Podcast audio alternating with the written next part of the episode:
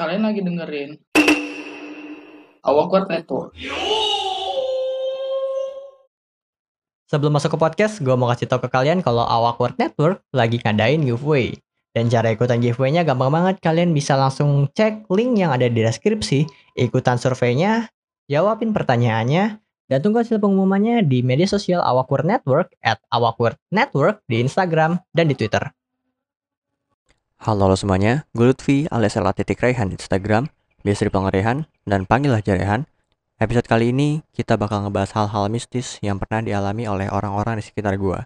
Jadi, inilah dia, Lalapot.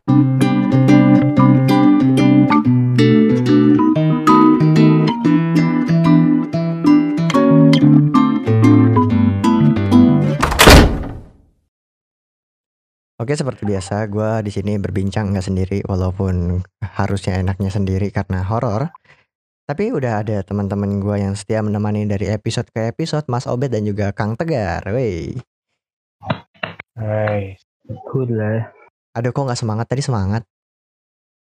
Halo. sebenarnya Jangan Sebenarnya mentang-mentang udah saya malam itu- dong. itu Pak tidak enak dengan Mas Rehan ini. Kenapa? Kenapa? Ya takut mau nyetok, nyetok emang bener bagus, cuman ya takutnya ah nanti ada sibuk lain, nagih-nagih itu kayak enak. Ya tenang aja, justru nyetok itu bikin saya kurang sibuk. Jadi ketika gue udah harus update, gue nggak usah sibuk rekaman, ya kan? Oh, boleh. Gila, mantep tuh. Makanya Kita ketika ada rekaman paling kadang lu pada yang ngasih tahu Han rekaman ini yuk gila mantep mantep buat ya Oke. Duh, Kan kami tim kreatif. iya, Untuk tim ngelapot. kreatif sama ini ya marketing ya. Ya, Mantap banget. Iya, Dari awkward yang gak punya tim marketing, gak punya editor, lalapot selangkah lebih maju. Mantap. Jadi tadi udah gue bilang juga di di awal podcast kalau kita bakal ngebahas sesuatu yang horor. Jadi suara gue agak berat-beratin dan agak lambat-lambat gitu biar kesannya horor. Jadi di episode ini sebenarnya udah kita udah survei ke beberapa sobat canggung. Sebenarnya bukan kita, cuma Mas Obet sama Kang Tegar doang. Gue nggak ikutan. Mungkin karena gue takut sama hantu kali. Sebenarnya Mas Obet doang sih, bukan gua. Oh iya, kalau Tapi kan Kang Tegar juga ini banyak. Punya pengalaman, punya pengalaman. Di sebelah Unpad itu ya, tempat kemah itu ya Mas ya. Iya tuh di atas itu. Ya, Eh, ngomong-ngomong nih soal kejadian horor nih. Ini yang kita tahu kan Mas Tegar punya kejadian horor. Ceritain dulu dong Mas, kejadian horornya kayak gimana? Yang mana dulu nih? Yang terseram di antara yang terseram. Oke. Boleh dah yang gerbangnya belum ditutup. Jadi gini nih ceritanya. Kan gue tuh pernah, gue ikutan panitia kemah gitu kan. Mm. Di ya organisasi kalian tau lah. Organisasi Tunas Kelapa ya. Nah, iya. Sekota Bandung tuh. Iya. kan mereka eh, tiap di kota Bandung tuh ada perwakilan tiap kecamatan mereka ngirim anggotanya selama beberapa hari masih aman-aman lancar aja gitu kan. Mm-mm. dan setiap malam tuh bakal ada pentas seni setiap harinya. Pas hari kelima atau keenam gitu ya gue lupa. Ada salah satu kecamatan yang kalau gue boleh bilang goblok lah ya. Dia nam, eh, sebelum pentas seni harus ada yang namanya prepare lah ya. Mereka ngasih Hmm, ke kita betul. kayak audio atau apa yang mau eh, mereka tampilin gitu nanti malam Nah mereka nggak ngasih apa-apa ke kita. Terus mereka Iya. ngasih audionya tuh dadakan banget dan kita nggak tahu mereka mau nampilin apa. Oh, Dan pas hari malamnya itu mereka tampil, ternyata mereka bawa lengser wengi dan acara adat-adatannya untuk manggil mhm. dengan menyanyi dengan apa ya namanya ya? Yang boneka kayu apa sih namanya? Apa ya? Eh, Jalangkung. Oh, kayak langkung. Oh, Oh, jalangkung. oh, ya gimana orang-orang pada kaget juga kan tiba-tiba bawa yang kayak gitu Terus yang kayak gitu kepanggil. terus ternyata memang kepanggil mereka pesertanya tuh kayak bukan cuma 100 gitu ini ada seribu orang Terus Seribu pas seribu Ya. orang itu kan biasanya kalau ada yang manggil dan itu kan kayak udah parah banget kan manggilnya kita istilahnya gitu lah. iya. Kesurupan masal nggak di situ? banyak yang kesurupan. Dan untungnya kebanyakannya gitu ya eh, mereka bisa di apa ya eh, mereka kuat gitu. Bisa sadar gitu nggak nggak kepengaruh apa apa untungnya cuman gua kan jaga di bagian apa ya namanya ya bagian atas tuh buat ngejagain tenda-tenda mereka kayak tempat apa ya kalau di kantor-kantor gitu. tuh resepsionis lah Oh iya resepsionis. di situ gue juga satu tempat sama tim kesehatan Hmm. mereka juga sampai sibuk banget kan ngurusin ngangkut sana ngangkut sini Iya. dari iya. bawah ke atas soalnya jarak dari lapangan yang besar itu ke tempat kemah tuh lumayan jaraknya tuh nggak bukan main nah dari situ si apa ya ketua bukan ketua juga sih pembimbing mereka masih kayak sangkatan sama kita lah ya yang bimbing mereka Seangkatan. Jurusan seangkatan. gak sangkatan banget tapi kayak nggak jauh beda lah Masih inilah ya masih pramuka kuning ya. Mm-mm. Dia pergi pulang ke rumahnya dengan tanpa rasa bersalah apa pun. Gitu. Terus selama, kan goblok kata gue juga. Terus selama sebelum mereka pada tidur nih, ada satu cewek dia udah diem di tempat ini apa tempat gua diem gitu. Dia bisa lihat ya punya apa ya punya kehususan lah gitu ya. Terus kata dia kalau pintu atau gerbang yang ada di tempat kemah itu kebuka katanya. Banyak yang keluar dari mulai kayak kerajaan gitulah, selir-selirnya, terus ya binatang-binatangnya lah. Terus sampai sekarang gimana itu? Masih kebuka gerbangnya? Sampai sekarang masih kebuka, belum ketutup-ketutup. Waduh. Waduh. Ngeri juga. Nah si cewek ini tuh bilang kalau si rajanya tuh sempat marah kan. Si rajanya tuh ingin si orang yang bertanggung jawab atas kejadian itu untuk datang dan minta maaf dan bawa pergi barang-barang yang tadi dipakai gitu kayak boneka jelangkungnya, menyannya dan apa ya kayak semacam tempat nyimpen itunya lah si sesajennya. Mm-mm. suruh bawa pergi. Terus kita sempat nyari-nyari dulu lah ya si tempat sesajennya di mana. Yang udah dikubur gitu sama salah satu panitia yang ada di sana. Nah dari situ eh, ada salah satu teman gua yang megangin kan. Secara nggak sadar gua ngeliatin dia kan. Dia bengong megangin kayak gitu eh pas gua mau nyamperin tiba-tiba tuh barangnya jatuh dia Pecah. kemasukan Wah.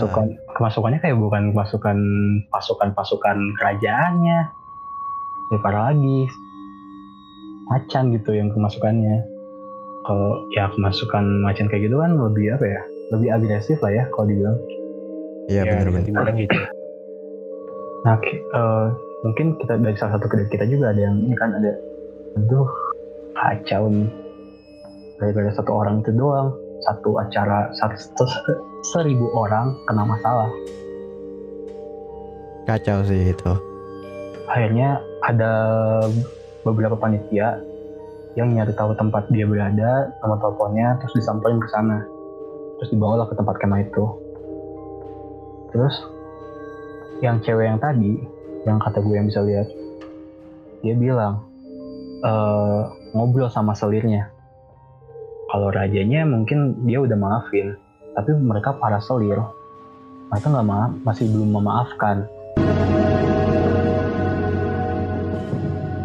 Si orang itu, akhirnya si cewek ini juga kemasukan dan yang bicara itu si selir dari kerajaan itu selirnya bilang kalau kalau misalnya kalian gak cepat-cepat ngelakuin yang kami suruh maka si cewek ini si anak ini yang bakal jadi korban ya kan nggak lucu gitu kan Iyalah. Orang nggak salah apa-apa anjir. ya nggak salah apa-apa kok kena gitu akhirnya eh, kami coba nanya-nanya lagi lah ya ke orang-orang yang bersangkutan dengan dia ada dua ini nih apa?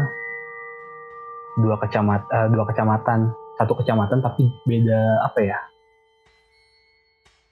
Beda tempat gitu Beda ini.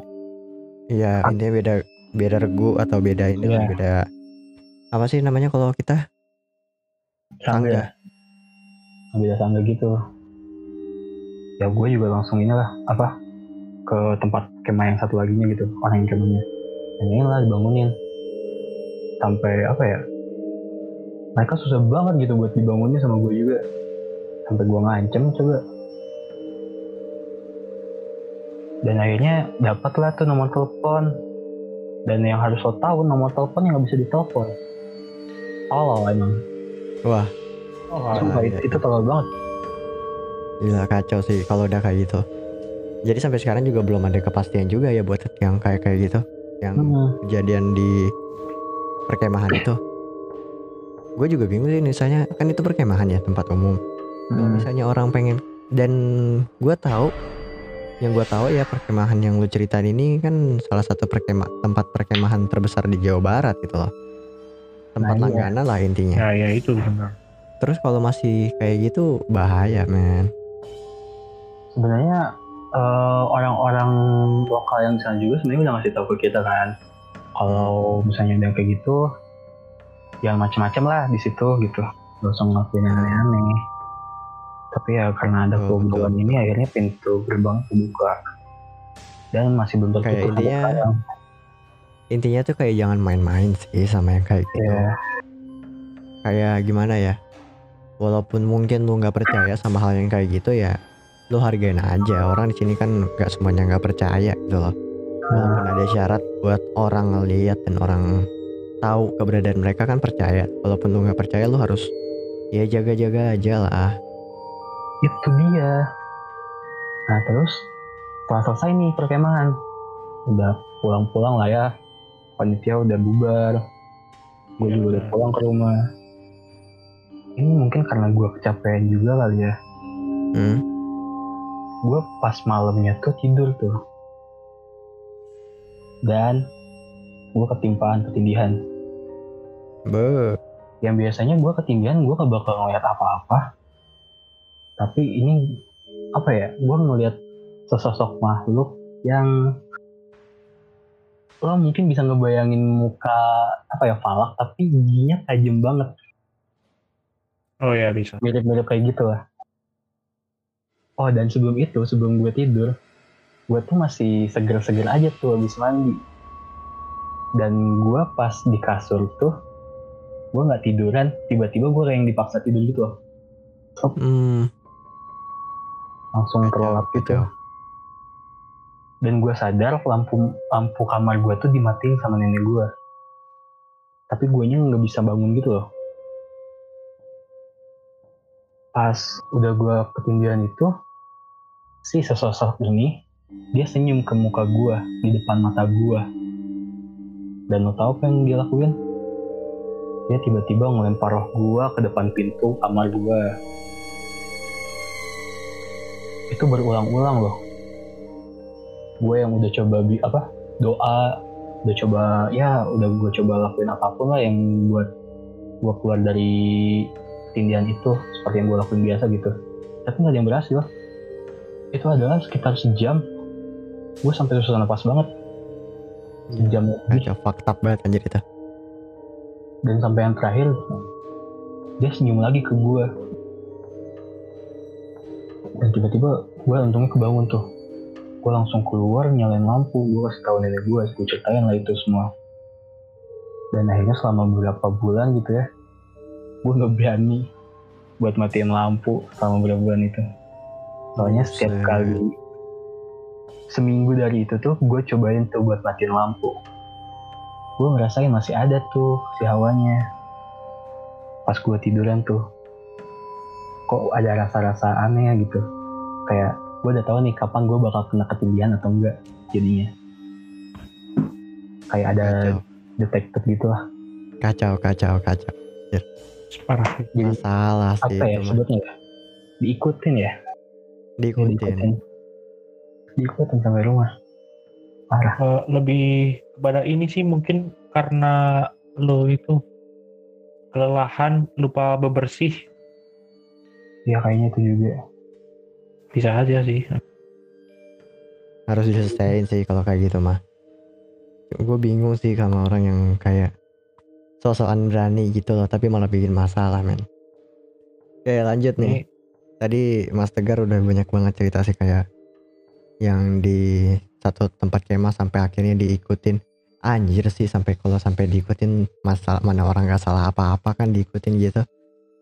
kayak itu iya makanya intinya apa ya kalau misalnya lo datang ke tempat yang bukan tempat lo Heeh. jangan sok-sokan gimana gitu lo tuh di situ kayak cuma tamu bukan pemilik tempat Iya betul betul betul Hmm, betul banget bener. kalau misalnya Iya. ada apa ya omongan dari warga lokal ya hargain gitu itu aja Ah, mas lanjut mas. cuman sekarang ya benar Iya, jadi kayak ya ya tadi yang gue bilang sih hargain gitu loh.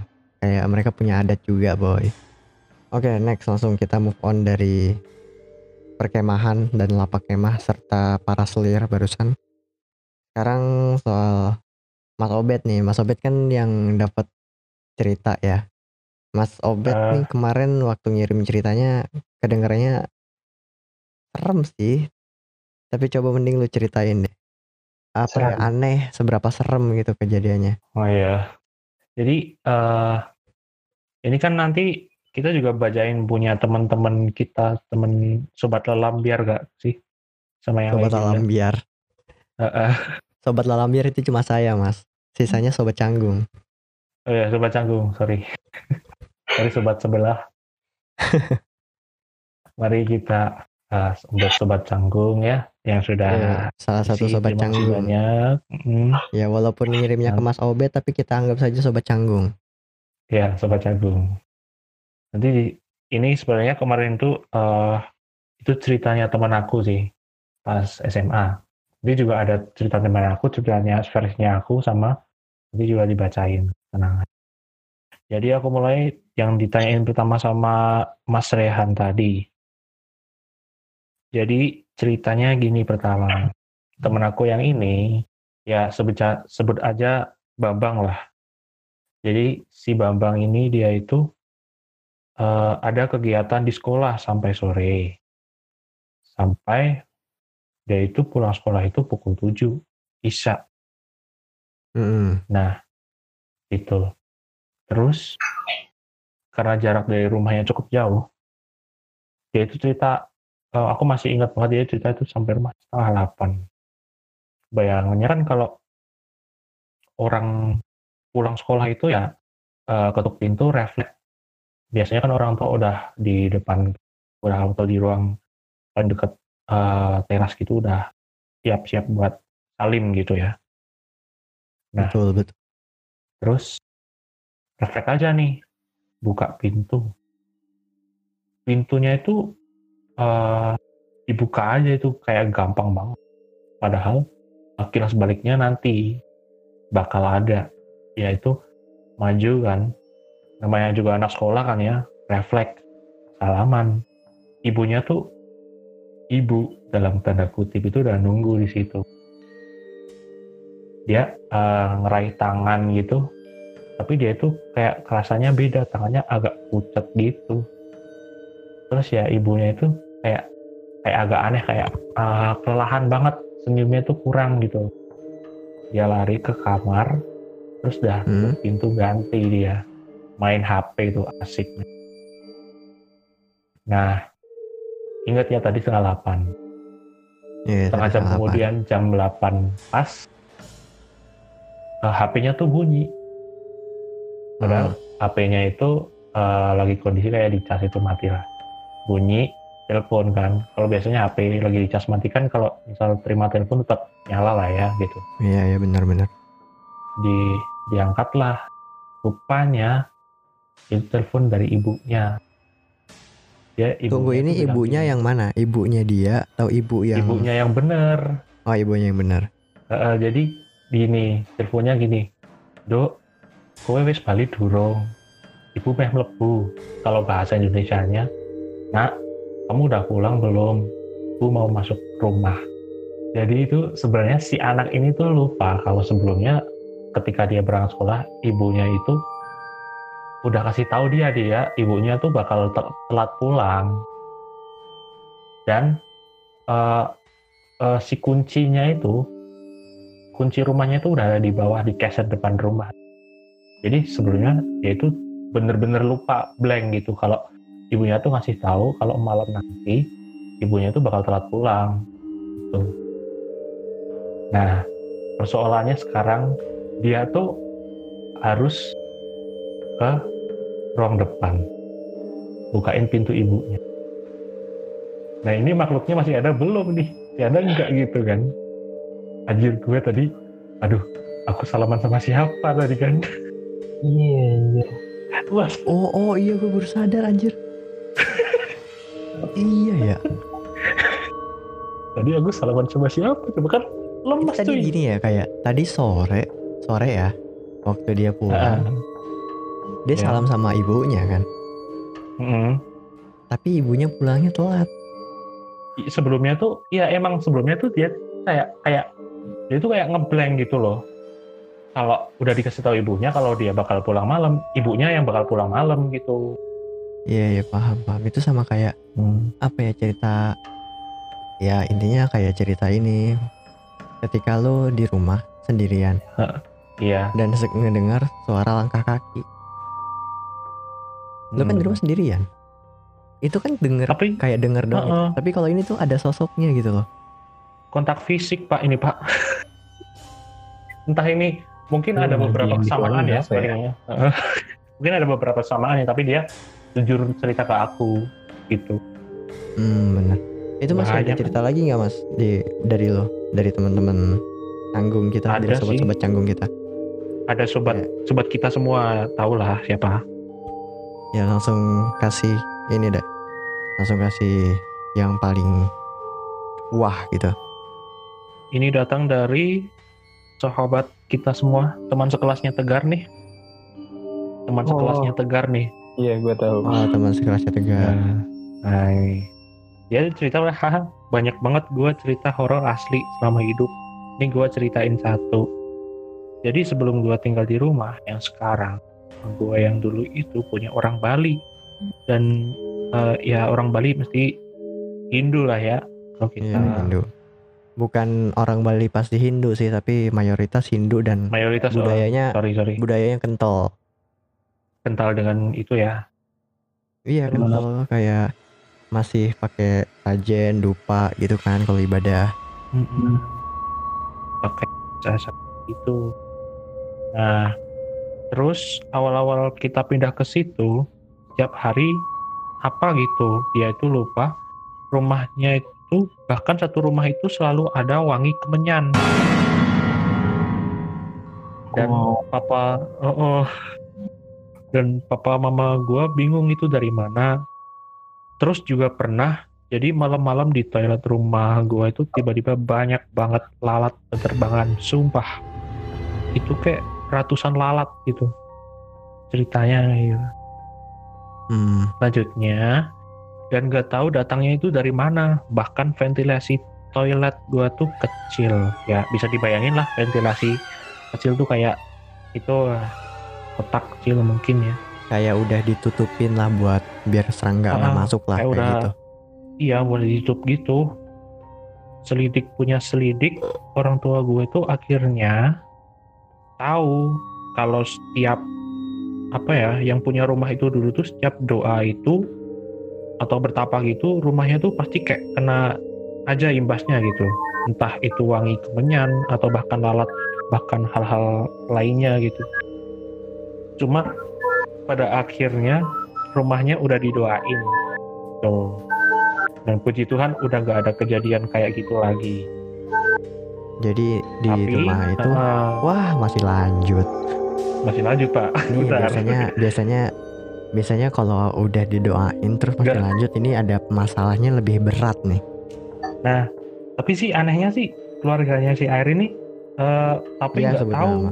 sekarang orang yang nempatin rumah gua yang dulu ngerasain hal gitu apa enggak gitu soalnya dia itu nempatin rumah ini terus dia pindah habis didoain tapi pindah gitu gitu guys. Bentar gimana? Jadi abis didoain mereka Hmm, yang tapi- tapi si Airin pindah sana pindah.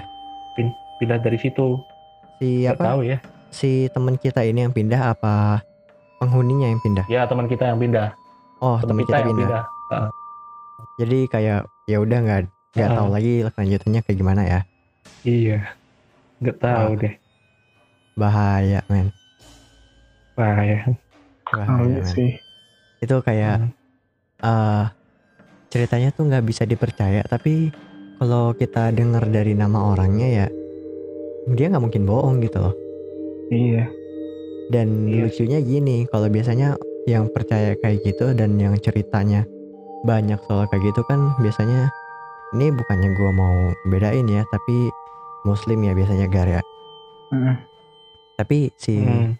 teman kita ini nonis jadi kayak kalau kita mau nggak percaya sama ceritanya kayak gini nggak mungkin gitu loh dia nggak punya bukan nggak punya sih kayak pemaham- pemahamannya beda iyalah tapi apa yang dia ceritain tuh pemahamannya mirip sama kita jadi kayak anjir ini ini mau bohong nih agak susah nih udah buat apa juga bohong men soal soal kayak gini ya kan serem sih Hmm. kalau kayak gitu Kalau Iya, bayangin aja dia juga, gue udah pindah kali. Hmm.